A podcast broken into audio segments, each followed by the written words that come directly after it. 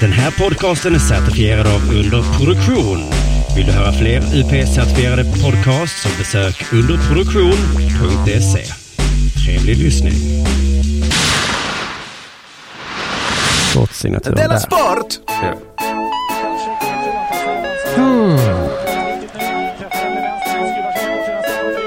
Då kan ju du vara programledare idag Simon. Ja, jag var jag senast. Ja. Jag har gjort sån jävla telefonare idag. Det var länge sedan. Just det, det är, det är som riktig radio.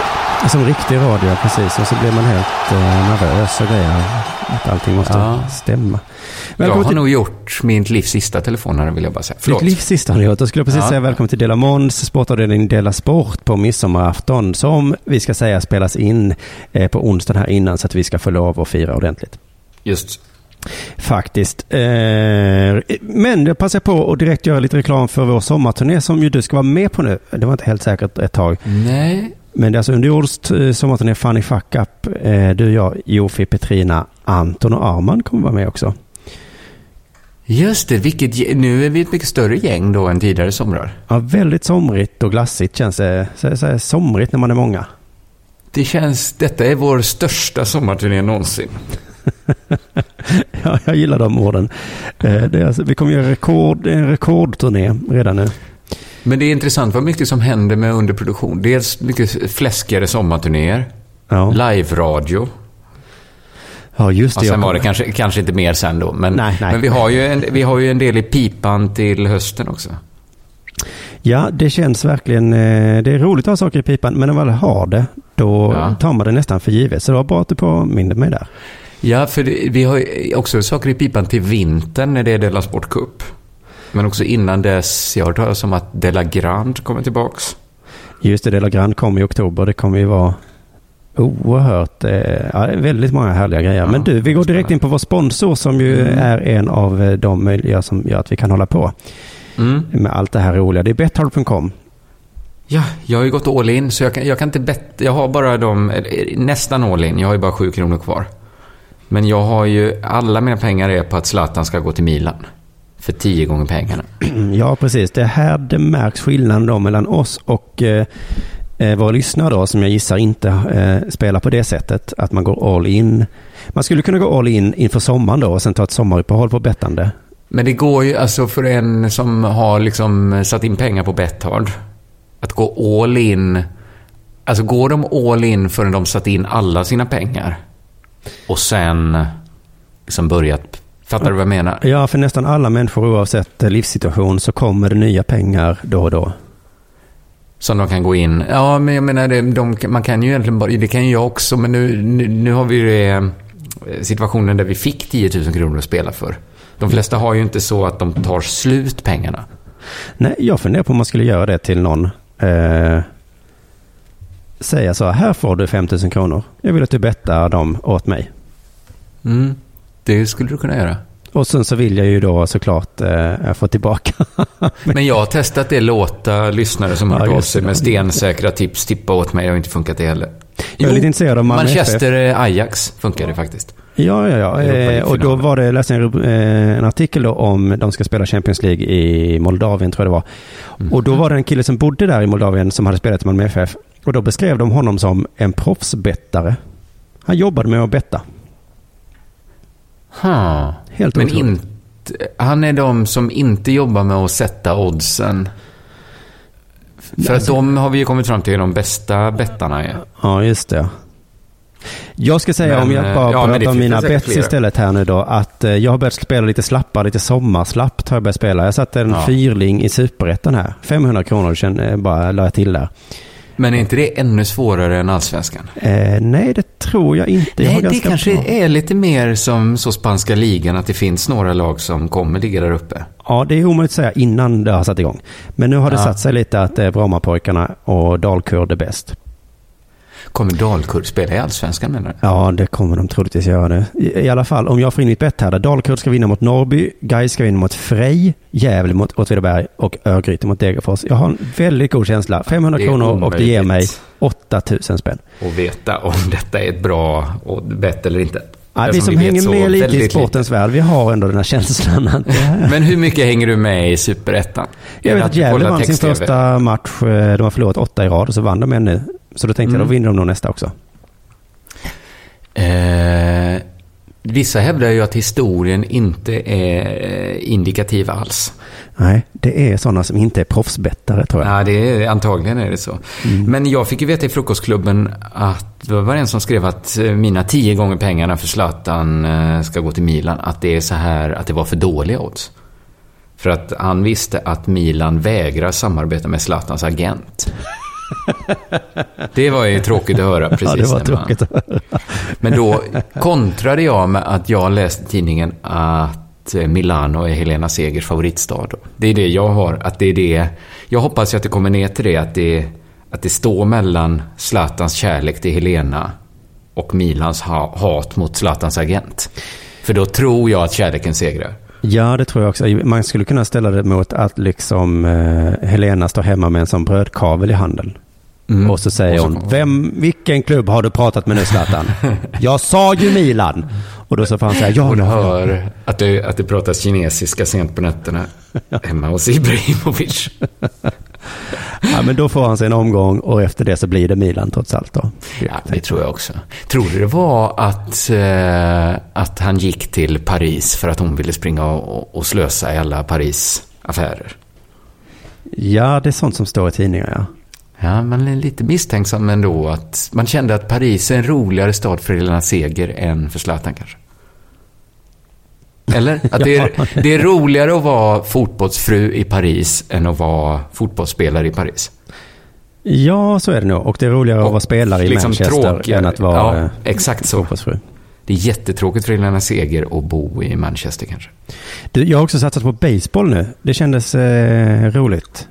För Kan att- du ännu mer om baseball än eh, svenska division 1? Nej, om baseball Nej. kan jag att eh, jag kan många av deras loggor.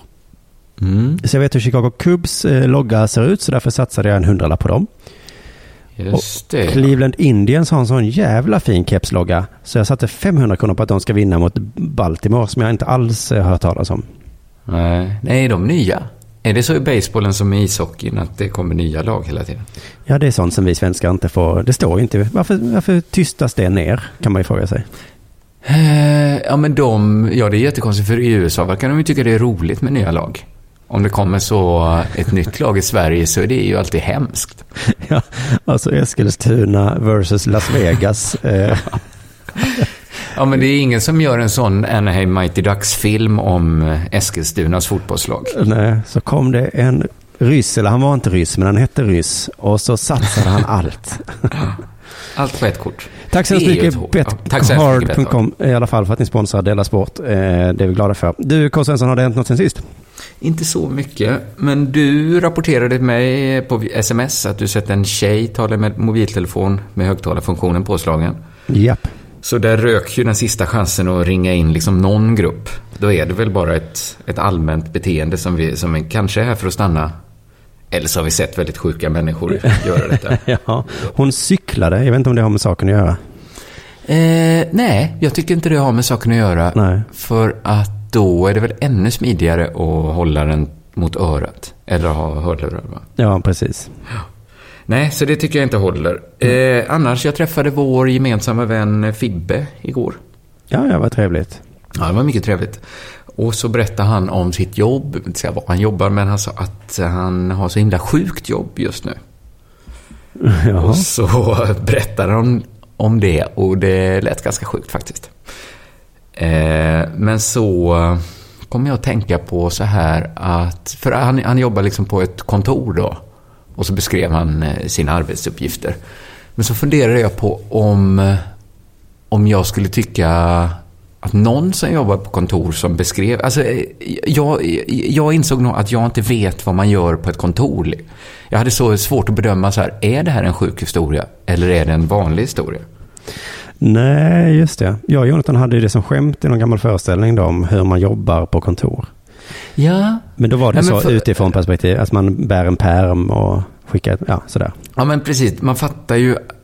Jag tänker ju så här, eftersom så himla mycket saker blir gjorda i samhället. Det får man ju ändå säga. Ja, det får man säga. Det är mycket saker som blir gjorda. Så jag, jag tänker, de gör ju ett bra och viktigt arbete.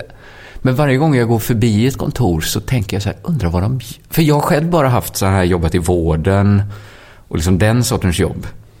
Och du har ju haft dina au pair-jobb då i Lund, Ja, såklart. jag minns ett av mina första sådana kontorsjobb. Då skulle jag sitta bredvid någon kille. Ja. Eh, när han, alltså riktigt bredvid på skrivbordet. Eh, han, det var så pinsamt för honom för det märktes att han gjorde inte så himla mycket om dagarna. Liksom. Nej. Han visade lite på skärmen och sen så tog han, minns han tog fram sin macka. jag Men när, jag jobbar på, när vi jobbade på radion och SVT, då var man ju nära. För, då, det var ju på ett kontor liksom. Ja, Men det, det, och det fanns människor som jobbade på kontor där. Men jag fattar inte riktigt vad de, vad de gör på kontor. Och jag inser också att kontor inte är ett homogent yrke. nej så är det såklart ja. Men sen så kom vi, började vi prata då om... Eh, Eh, han, han pratade lite om vad han gjorde då. Och så frågade jag så här, men vad gjorde de på kontor liksom förr, innan, inte så långt förr, innan datorerna fanns? Men ett kontor var ett skrivbord. I ett liksom, in, då fanns ju inte öppna kontorslandskap heller, så att en farbror gick in på sitt kontor, satte sig bakom skrivbordet. Vad, vad är liksom, jag, jag, fattar, jag fattar liksom inte, vad gjorde han de åtta timmarna sen? Nej, det fanns en telefon där skulle jag gissa som kanske ringde lite Ja, grann. den ringde nog mycket tror jag. Ja. Men liksom så här, lille Fridolf då som jobbar på kontor. Innan liksom, som också hade en sekreterare. Så att det är inte ens någon skrivmaskin på det skrivbordet. Vad är liksom... Jag, jag, jag tvivlar inte på att han jobbade jättehårt de åtta timmarna han satt Men vad var liksom en normal uppgift? Nej, det sjuka är att de också hade sekreterare. Det har jag inte tänkt på. För det är den som gör allt det där. Flytta på pennorna då och ta emot, jag vet inte, samtal. Ja, det är... Du har ingen lösning på den här eh, frågan alltså? Nej, nej. Utan Jag, jag tänkte att du kanske visste, men eh, det är väl det som hänt sen sist egentligen. Att jag funderat lite över det här, vad de gör på kontor. Egentligen. Ja, har det hänt det- dig någonting sen sist? Ja, det hade, eller egentligen så tänkte jag mest på att vi, eh, jag öppnade dörren lite för att prata om eh, mina barn här i podden. Mm. Se- Senast vi spelade in så pratade jag om mitt minsta barn, att den eh, bara var gullig. Som mitt gamla barn, han gör ju massa olika saker som man kan prata om. Ja, ja. Och jag bara tänkte att det slog mig att, att jag tycker det är så härligt när han skrattar åt mina skämt. Ja, men det berättade du om din succé där i kyrkan. När du Ja, just det. Kyrkskämtet där var väldigt Ja. eh, lyckat. Då. Ehm, så jag tänkte bara meddela vilka skämt som går bäst just nu. Ja, men det är intressant att veta. Ja, för det är alltså en tioåring då. Ordvitsar såklart. Är Eh, det såklart? Ja, men det är ju att barn inte har tänkt på att man kan göra så. Nej, liksom. Att ett ord kan ha två betydelser och så eh, fixar man till det. Det är en sån himla nyhet för barn. Mm. Eh, Så vi satt och, och, vi satt och retade rockklassikerrösten i bilen häromdagen. Eh, rockklassikerrösten är alltså den här rösten. Vi har Metallica måndag på måndag.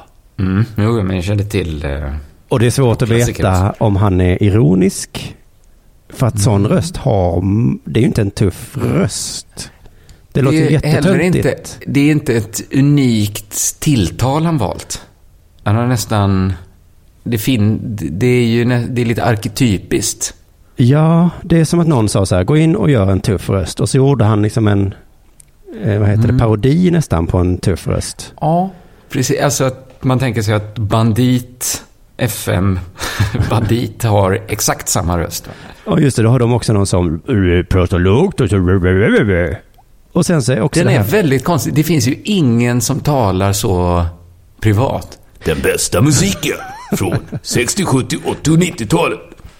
Nej, och ska man tänka sig en riktigt tuff person, kanske en gangstermedlem eller eh, motorcykelmänniska.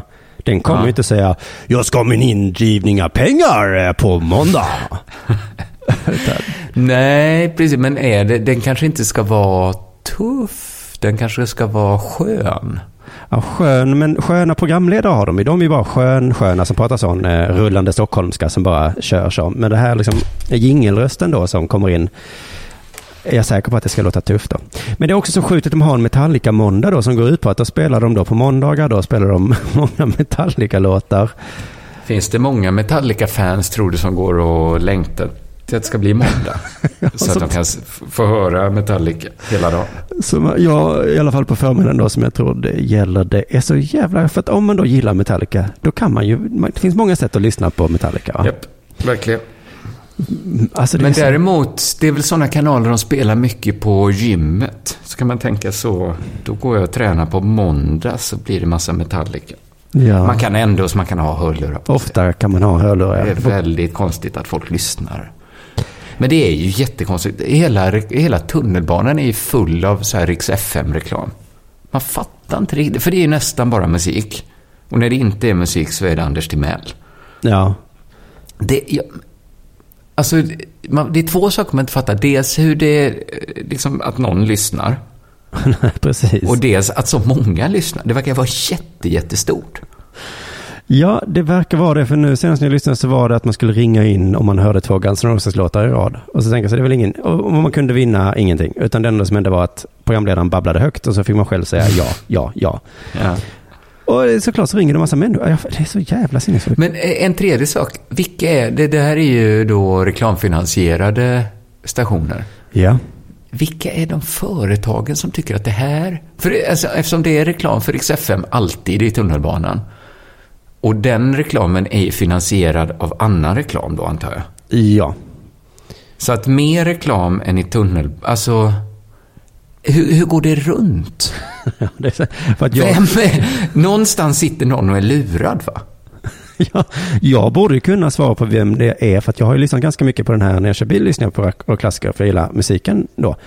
Mm. Eh, när det inte är Metallica-månad då. För då tycker jag det är jobbigt att det bara är eh, Men äldre. varför lyssnar inte du på din egen... Inte din Det kan du inte jag i lyssnar på bilen. Chippen X alltid. Ja, men i bilen kan jag inte koppla in. Men är det för folk som har gamla bilstereos? För det tycker jag låter som en snäv målgrupp också.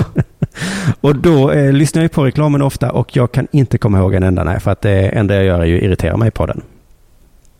Ja. Den är ju ännu sämre nästan. Men nästan. är det liksom Bo, Bo Olsson i Tomelilla, det företaget, Eh, ja. som liksom bekostar allt, inklusive tunnelbanereklamen?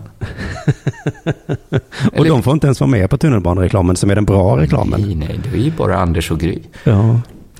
Nej, jag fattar inte reklamradio. Nej, det är helt Det var nog det.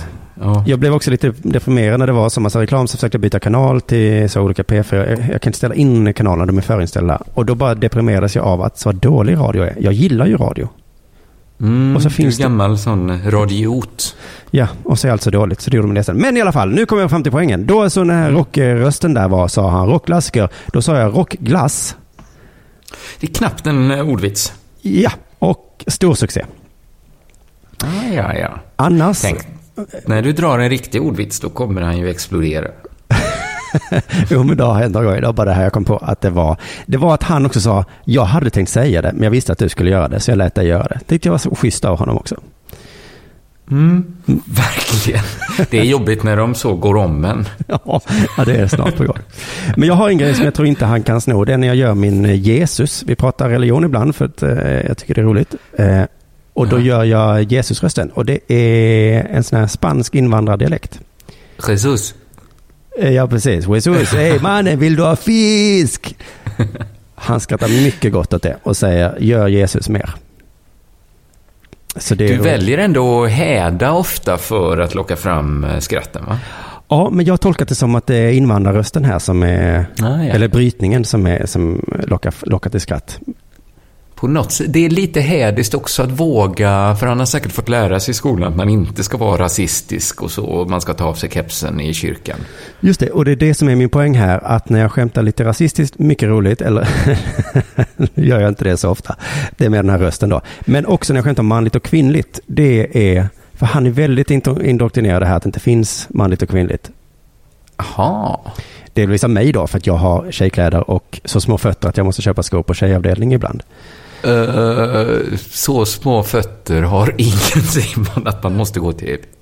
39 är inte alltid det finns eh, på Ja, herravdelningen. men då menar du att du köper gympaskor, du köper könsneutrala skor. jo, men det var just en gång. Bara för att Jag köper nu fanns det inte skor, så då köpte du högklackat. Nej, men jag köpte ett par vinterskor som jag tyckte var helt vanliga skor. Och då sa din skoexpediten, du vet att det här är tjejskor va? Och då tyckte jag att det var Det, hon har inte gått den här hbtq-kursen. Nej, det är konstigt att det hände dig i skoaffären, men när du köpte en brudklänning så kommenterade... Nej, då var det ingen som sa, du vet att det här är för tjejer egentligen. Ja, ja, så du har lite suddat ut könsgränserna där, ja. Just det. Så, ja. Och sen så ger jag tillbaka sen, för nu han fick en t-shirt av sin mamma med blommor på. Och då sa jag att det var en tjejtröja. Eh, det, det var det Usch, kanske det är inte. svårt att vara din son och veta vad som gäller. Jo, men man får ju lov att ha tjejkläder. Men jag tycker man ska Ja, veta ja, men man ska veta det, ja. Ja. ja. men det var bra. För att i förrgår, och så säger han så här, nej det är inte tjejtröja, säger han då. Och i förrgår hävdar han att det inte ens finns kill och tjejfärger. Nej, det har han väl lite... eh, Det finns ju mindre kill och tjejfärger än vad det finns kill och tjejkläder. Ja men vad fan, rosa är en tjejfärg och ljusblått är en killfärg. Så är det ju Men- bara. Sen så kan man ju göra vad man vill med den informationen, men det är ju så. Men man kan väl också välja att inte se det som objektiv information, va? Det fick jag förklara för honom i alla fall. Så här är det. Sen så behöver du ju inte klä små flickebarn i rosa om du inte vill då. Men det är ju bra att känna Men till. det är ju din, eh, att du är så strange. Jag tror du måste, måste erkänna att det finns människor som inte är strange. Är det. Men, men jag menar, man kan ju gå runt med kjol Mm. som kille. Men man ska veta om att det är... Ja, men om man börjar hävda att det inte är tjejkläder, då är det ju liksom, då är det bara fel. Man ska embrace, embracea istället hur strange man är.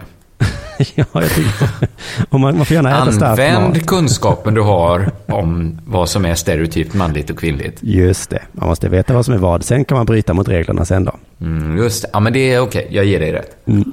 Så att jag får liksom, eh, jag får heter uppfostra honom lite. Eh, Det är skönt ändå. Sen har vi börjat åka skateboard han och jag. Och jag har åkt så himla mycket skateboard senaste tiden. Är det manligt eller kvinnligt att åka skateboard? Ja du, det är ju frågan. Det finns inte, första gången jag åkte på två år var nu för en vecka sedan. Mm. Så tänkte jag, vad har jag missat nu de här två åren? Och då var jag i en eh, sån här skatepark. Och så var det, det var bara tre personer där och två av dem var tjejer. Så tänkte jag, oj, har, det, har de... Och så var de så himla duktiga också. Mm. Så det, så var det inte alls för två år sedan. Nej, nej, nej, nej. Så att det har blivit en... Eller är de strange bara som håller på med kill? Ja, det skulle Så. visa sig att de var från Tyskland. Så att eh, det förklarade saker. Då var de, då liksom, de var fortfarande un, undantagen då, som, hade, som var på resa. Ja, okej. Ja, ja. Det jag skulle komma fram till var bara att jag åker skateboard så jag tycker det är så himla roligt igen. Och jag ser inget kul med det alls. Nej. Att jag fick Nej. den känslan. Det, det finns säkert något roligt här. Men det är min humorblinda fläck bara. Men du får ingen sån, det kittlar inte i magen när du åker i rampen?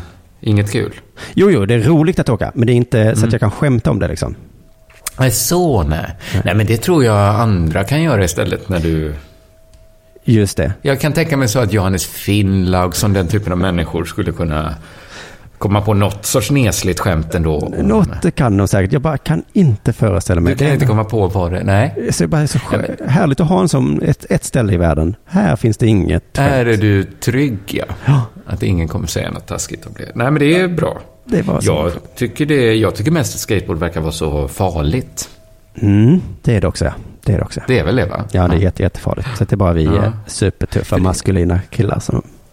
Och då de här tyska tjejerna som är Just majoritet. Ja. Nej du, är det... Nej, ja. Är, vi, är det dags eller? Ja, Ja, då är det dags för det här.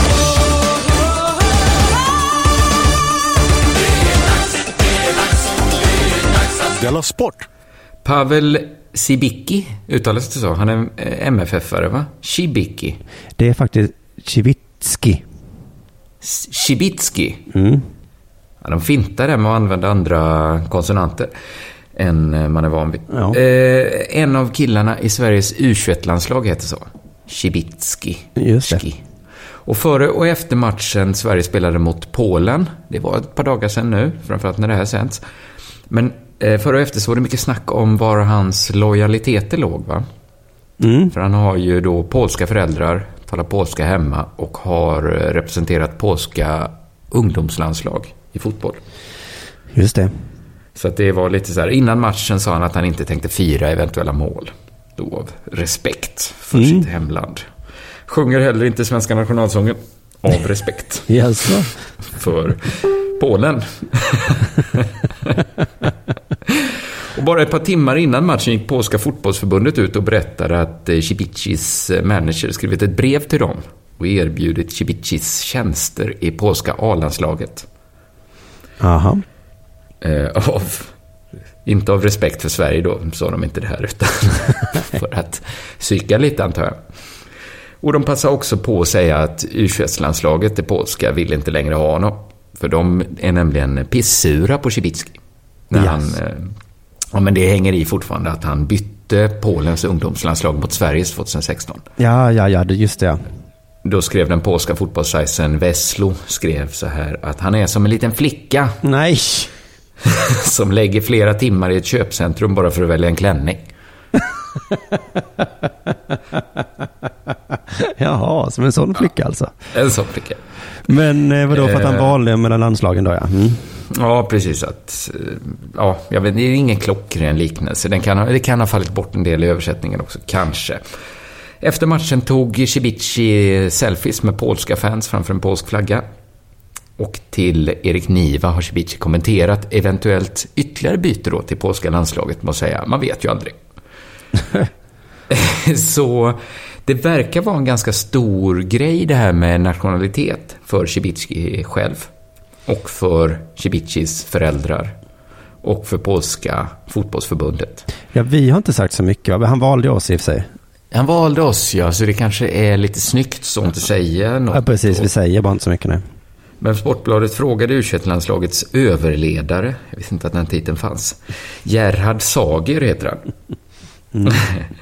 Om han trodde att polska förbundets utspel, alltså att berätta innan matchen att Cibici hellre vill spela för Polen än Sverige, att han då vill spela för ett land där han kan med och sjunga nationalsången. Fira eventuella mål. Det är ju lite roligare. Frågar Gerhard Sager vad han tänker om det här utspelet. Inga kommentarer, säger Gerhard Sager. Tror han det kan störa Cibicki och spelarna? Nej, det tror jag inte, säger Gerhard Sager. Och då kände jag så här att är det ändå inte en typisk sån sak som ändå kan störa lite?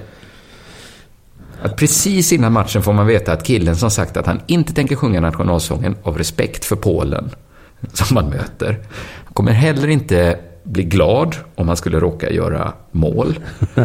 Att den här killen också skrivit ett brev till polska fotbollsförbundet och erbjudit sig att byta lag innan matchen. Kan det störa Cibici och spelarna och då att Polen då sa att vi vill ändå inte ha det tillbaks? Lite, alltså... Nej, det tror jag inte. Varför tror Gerhard Sager inte att det skulle störa? Nej, det kanske är att frågan är ställd på det sättet. Det kanske skulle vara, är det inte lite fittigt? Mm, nej, det tror jag inte. Nej, det tror jag inte. För jag skulle störa mig som fan på att spela i samma lag som en sån kille. Men är det jag som är knusslig? Jag är ju superknusslig också. Jag känner inte till det här, men det här var ju... Jag tycker att man ska sjunga nationalsången om man är med i samma lag. Jag är Hamrén där. Ja, Jag tycker att man...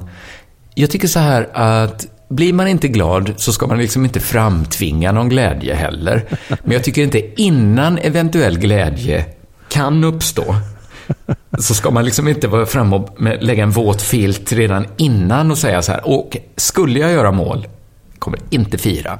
nej, det är lite som när vi ska på turné då, om någon i publiken säger, om jag skulle få känna att det var roligt så jag vill skratta. Jag kommer inte skratta. Nej. Då behöver du inte men- komma i så fall. Säga det, säg inte det innan bara. Nej, nej, just det. Men, eh, men jag tycker det är intressant att det är en sån himla stor fråga för alla andra, utom svenska u landslaget Mm. Det är inga kommentarer, det kommer antagligen inte störa det allra minsta. För då tycker jag man lite... Alltså varför, varför hålla på med lojalitet? Är lojalitet inget värt? Då har man ingen glädje av det heller när den är liksom stark. Nej, just det. Lagkänsla är det väl. Eh, Det är väl lite det det kokar ner till ändå. Att, att något är väl ändå lagkänsla.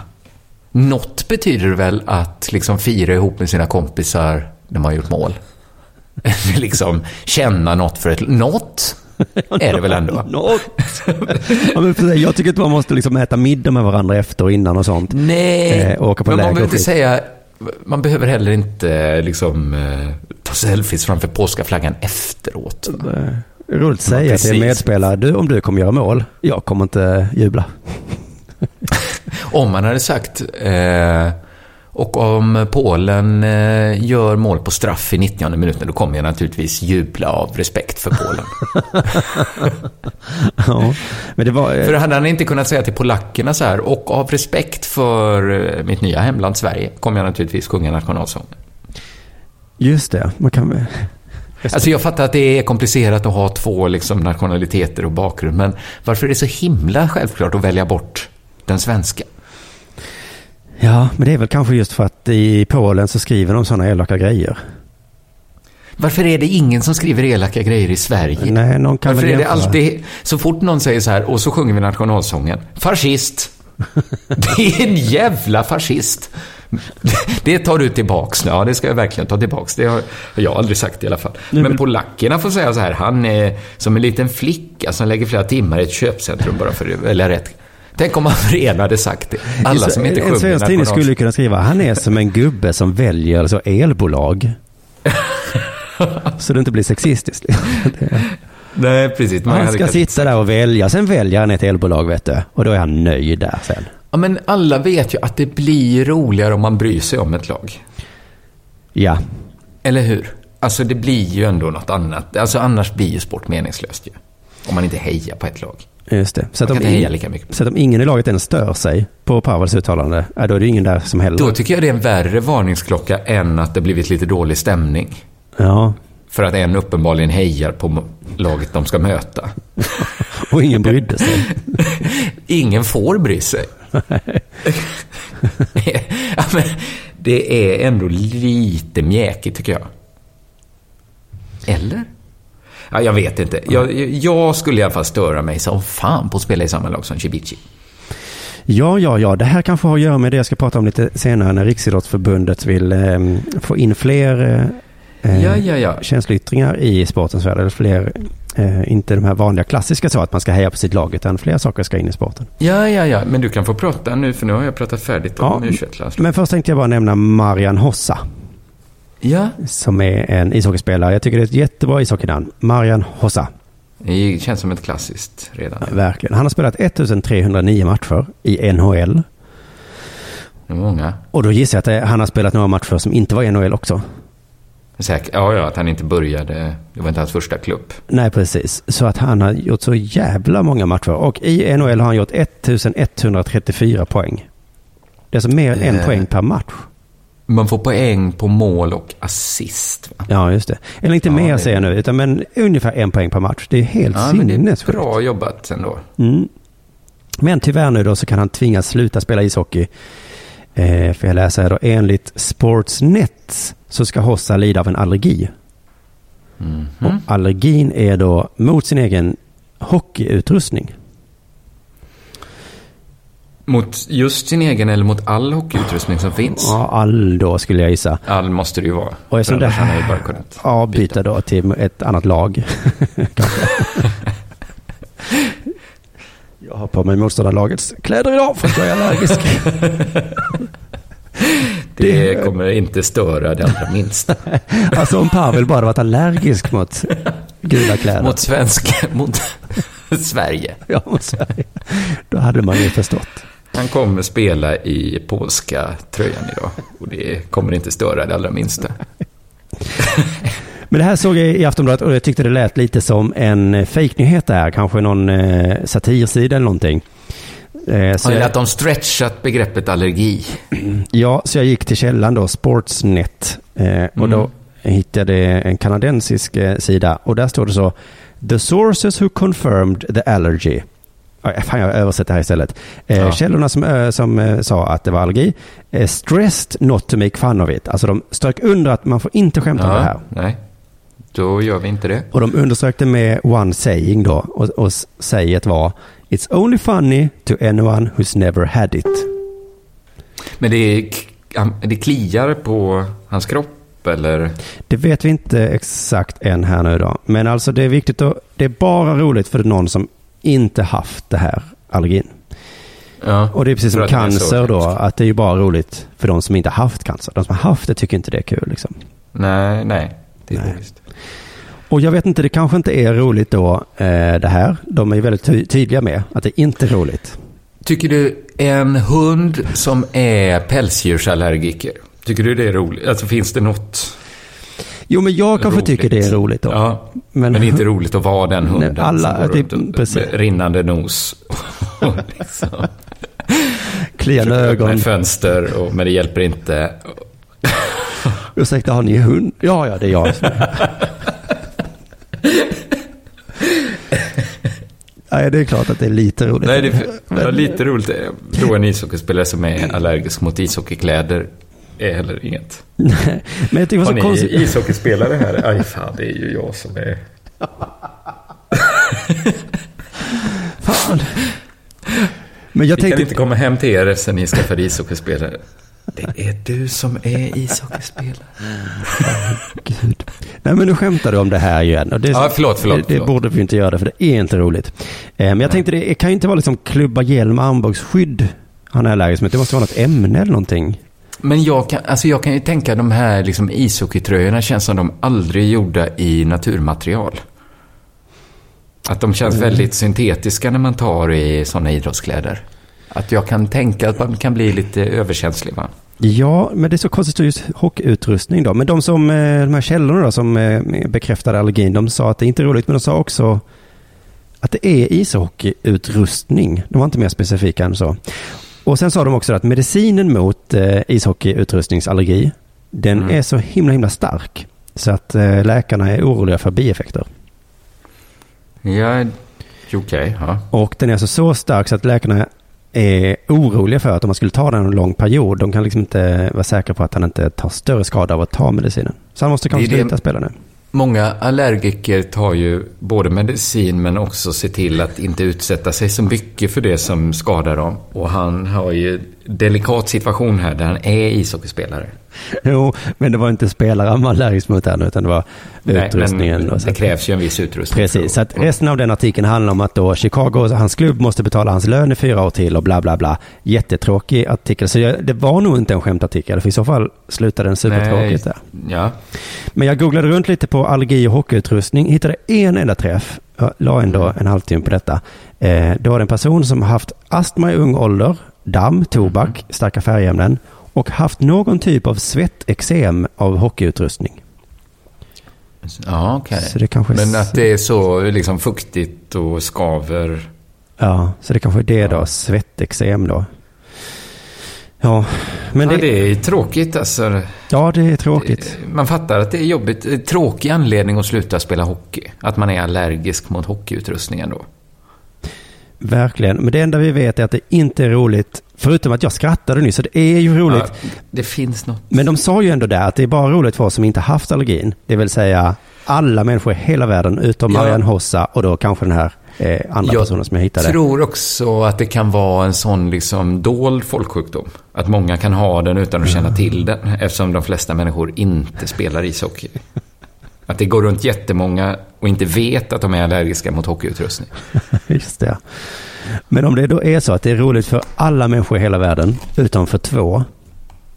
Då tror jag nog ändå att de två får bjuda på det. Eller de får acceptera att vi skrattar helt enkelt. Ja, det är inte mycket. Det är ju, det är ju som att göra mål i fotboll. Va? Det är svårt att säga innan att man inte ska bli glad. Ja. Sådär. Eller man...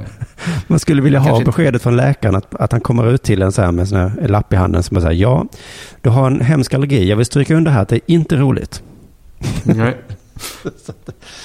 Så att, du, så att vi har på det på det klara. Konstigt att de var så noga med det och säga att det inte är roligt. För det kan de ändå inte bestämma va? Nej, det kan de inte göra. Jag fick tips eh, från Frukostklubben angående de eh, sydamerikanska fotbollsligorna. Jag hävdade ju då eh, senast i Della Sport att de är annorlunda, våra europeiska. Jag kunde inte riktigt sätta fingret på vad som var annorlunda. Jag hade bara ett exempel från den argentinska division 4 då, där en spelare stack motståndarnas stjärna med nål. Just det. Ja. Eh, då fick jag, jag, jag har ett exempel till här då. Jag fick länkat en artikel som har några år på nacken, 2013 har jag för mig att den var från. Den handlar om den 20-årige domaren Octavio da Silva Catanede Jordan, som dömde en amatörfotbollsmatch i Brasilien. Och då tänkte jag att det, när jag läste artikeln, att det här är inte, inte heller på amatörfotbollsnivå liknar det de svenska ligorna. Nej. Vad hände där? Eh, han gav en av spelarna rött kort. Det kan ju hända även i Sverige. Eh, spelaren lämnade planen och började istället eh, förolämpa domaren. Det här tror jag inte händer. Det här händer inte på riktigt på allsvenska nivå, men det skulle ju kunna hända i svenska korpen, tänker jag. Ja, just det. Eh, domaren Octavio da Silva tog då upp en kniv och högg ihjäl den utvisade spelaren. Oj, oj. Det ska Bara det det. att han hade en kniv på sig tycker jag liksom får det att kännas annorlunda. Att han också är beredd att använda den och hugga ihjäl en fotbollsspelare. Då känner man att där... Jag tycker redan att han hade med sig kniv ut på plan gör att det liksom slår över lite. Att han också gick så långt.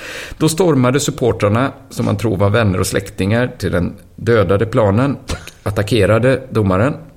Kan man nästan förstå. Ja, är Han har nästan slutat vara domare där, utan då är han mördare. en, ja, en gärningsman. Ja. Ja. en mördare. De band fast domaren. De hade alltså rep med sig till planen. Stenade honom till döds. Styckade kroppen. Högg av huvudet. Oj, oj, oj, vad annorlunda det är. Alltså, Det är ändå annorlunda. Jag tycker det är annorlunda. Än, det, det är liksom inte det Åshöjden Sverige jag gärna jämför med. Det hände liksom aldrig Blåbärskungen det här. Någon skulle kanske kunna hävda att det inte är så vanligt i Argentina heller. Nej, Nej. men jag har inte läst några andra artiklar från brasilianska amatörfotbollen. Så detta är ju 100% av alla artiklar jag läst har slutat med att domaren hugger ihjäl en spelare och sen får huvudet avhugget av publiken. Men jag tar gärna in liksom, skickar gärna tips på, på liksom eh, en, en riktigt fin skildring från brasilianska amatörfotbollen. Ja, just Eller det. argentinska division 4. Kanske, eh, men en sån liksom två bröder som har kämpat ihop från de lägre divisionerna ända upp och kvala till högsta divisionen i El Salva- Salvador kanske. Det är ju om eh, Quentin Tarantino skulle göra Mighty Ducks-filmen. Tänk om han gjorde en Åshöjden En som Åshöjden, utspelar ja. sig i Sydamerika. Ja. Där liksom Jorma och Edvard och Hitte-Joel och de andra liksom har med sig kniv. I början får de ha med sig knivar och grejer på plan. Nål.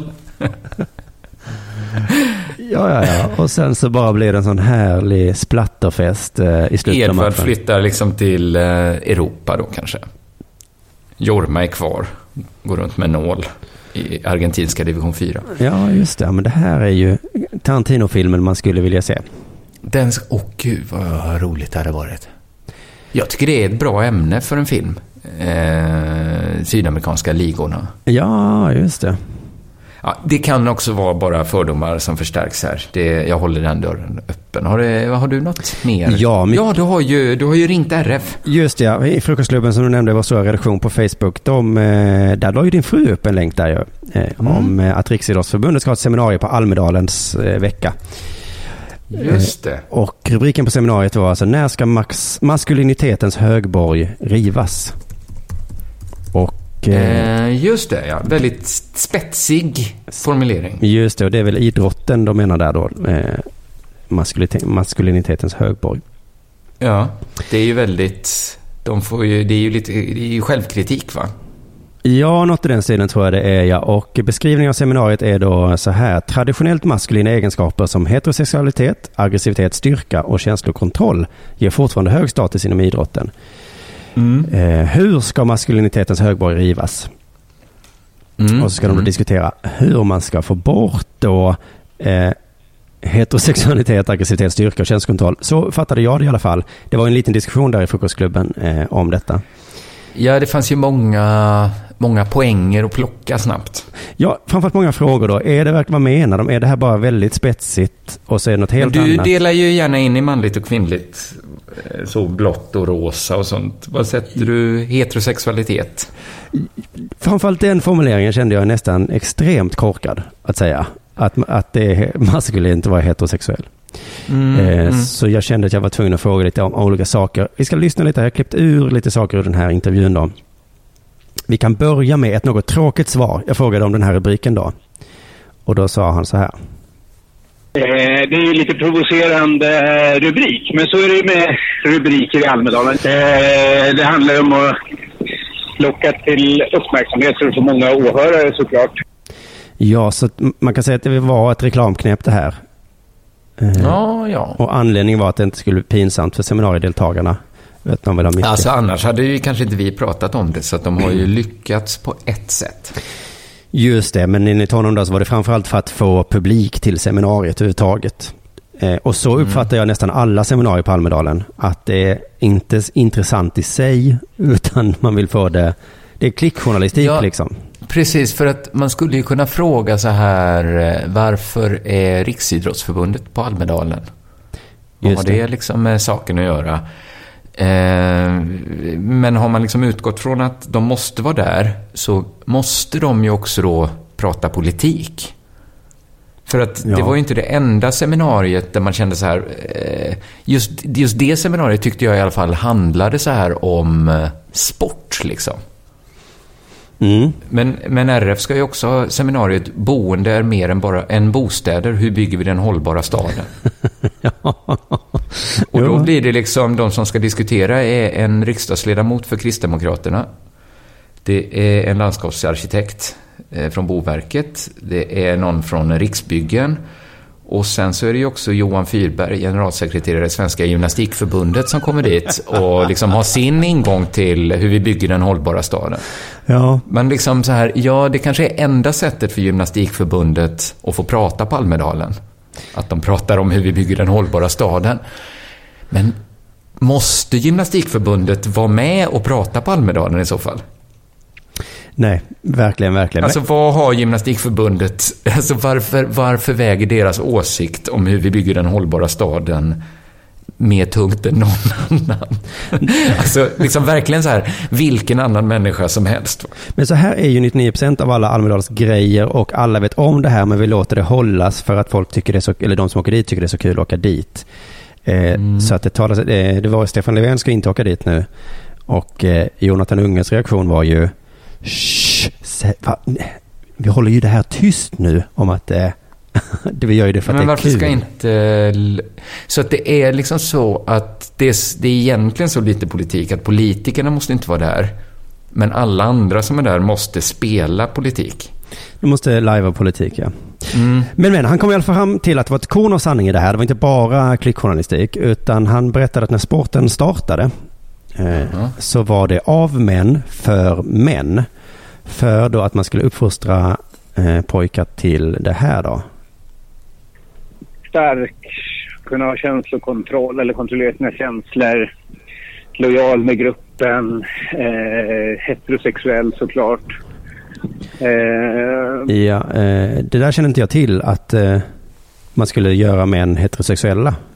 Såklart. Det kanske var mer något man inte behövde säga egentligen på den tiden. Nej. När, jag vet inte riktigt vilken historisk punkt han talar om nu när man startar, började med idrott heller. Nej, det är när många... man satte sig ner och sa så här, eh, här har vi bollar, slagträ, nät av olika slag man kan sätta upp. Eh, Ska, vad säger ni? Ska vi börja med idrott?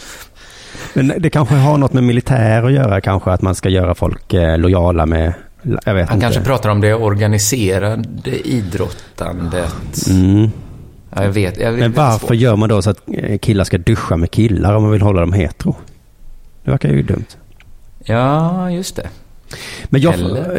Ja, eller tvärtom att man ser hur äckliga vi ser ut när vi är nakna. Så de bara... Jag hade tänkt bli bög, men efter att ha sett vad jag var på väg att ge mig in på så har jag bestämt mig för att... Så jävla grabbiga killar är alltså. Nej, fy fan. Ska det vara en massa snärta varandra med våta handdukar, då kan jag lika gärna stanna i mitt äktenskap. Tack så mycket. Ja, men då vill jag hellre hänga med tjejerna. Det är fan lugnt med dem. Prata hästar och sånt. Det... Men jag fattade det som att de ville ändra på sporten när jag läste det här. Eh, eller då att tjejer inte ska idrotta alls eftersom det är av män för män då. Eh, Men det var, eh, det var inte så han menade då, att han ville säga att man ska vidga begreppet idrottare till det här framförallt. kan man säga, vidga det som är bilden av en riktig idrottare. Så att det, inte, det är okej att vara en riktig idrottare även om man inte eh, är, kan kontrollera sina känslor. Ja, även om man inte kan kontrollera sina känslor så är det okej att vara idrottare.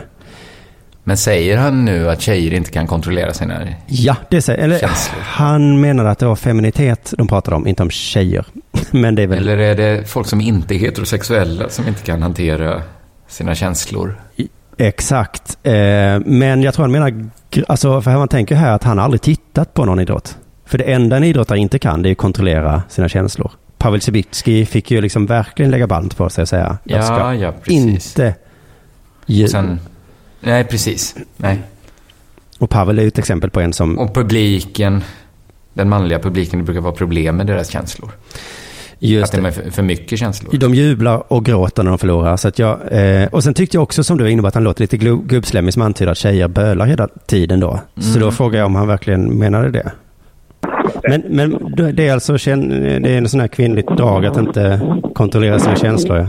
Det är som Ronaldo. Eh, så- Han är sån så- La fiolla. Eller kan man säga, så ansågs det i slutet på 1800-talet. Ja, så det är inte Riksidrottsförbundet som menar att tjejer är känslostyrda, utan det gjorde man på Det var så 1800-talet. det- På 1800-talet, ja. Ja, då. så Och mycket lite har hänt sedan 1800-talet. Det är bara att titta det ut genom fönstret. Det ser ungefär likadant ut. Just det, det är ju på 1800-talet. Eh, vill, nej, just det, det är nu de ska ha seminariet, ja. Mm. Det är nu Eh, de tar det. Precis, ja. Men eh, ärren efter 1800-talet sitter kvar så att det... Det är bra att de har det här seminariet. Vilka är det som kommer? Det är folk från 1800 framförallt då, talet då, som, som, som de vänder sig till då, antar jag. Nej, men hon eh, Linnea Claesson ska komma. Mm, just det, men hon ska vara med i, i panelen, ja. Japp. Sen fick jag också fråga det här med att eh, maskulin och heterosexualitet, att det var samma sak. Eh, och, och, och han fick förklara sig lite då. Nej, det är väl lite tillspetsat. Eh, poängen är att eh, poängen är väl att bilden av en, en idrottare, eh, en manlig idrottare, är att den är heterosexuell. Det är normbilden. Det är liksom det vanliga folk eh, skulle uppfatta som en vanlig idrottare. Ja, så att man säger då att het, det är ett vanligt maskulint drag att vara heterosexuell.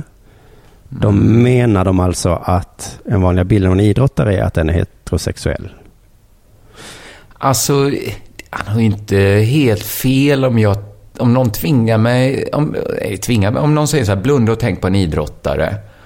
Så kanske jag, om jag får frågan så här, och vilken eh, läggning sexuellt ser du att den här människan har?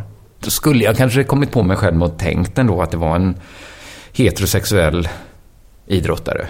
Det är särskilt om det var en manlig, ja. Eh, Men det är ju mycket för att de flesta är det. Ja, just det. Men då kan man ju fråga sig varför skrev de då att det är maskulint med heterosexualitet? Eh, Och då svarade han så här då. Ja, just det. Men det står ju ändå här att traditionellt maskulina egenskaper som heterosexualitet. Det är ju... Ja, då, eh, då kanske det är en smula felformulerat. ja, så det var en smula, Ja, ja. en smula felformulerat där. Så jag släppte honom där då, tänkte jag. Ja, men det var väl snällt. Jag skulle ju försöka vara trevlig. Det är lite svårt när man ska vill ha ett långt samtal så kan man inte vara för, för elak hela tiden. Men jag försökte ändå sätta dit honom med en annan grej som jag tyckte var lite roligt då. Att jag förde in samtalet på kvinnliga drag och så. Eh, Mm. Och så tänkte jag att jag skulle få honom att försäga sig. Så jag började lite försiktigt här.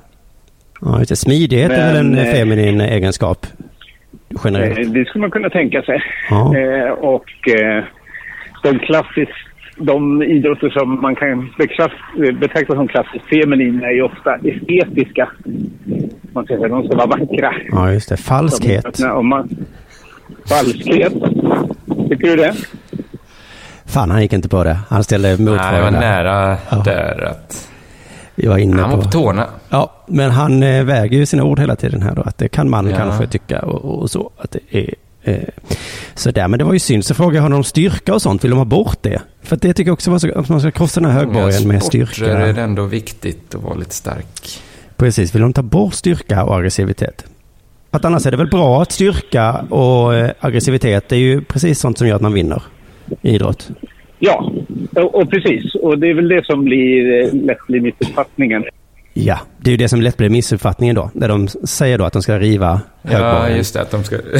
Även känslokontroll tror jag kan vara viktigt. Alltså, en av de som är där är ju Gunnar Håkansson från Svenska Golfförbundet.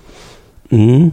Alltså att kunna så koncentrera sig och ha kontroll över sina känslor. Och, när man puttar kanske. Ja, men Att det precis. är bra med känslokontroll. Det är jättebra med känslokontroll och det var det roliga för när vi pratade om styrka här så var han helt med mig att det var en jättebra egenskap att ha.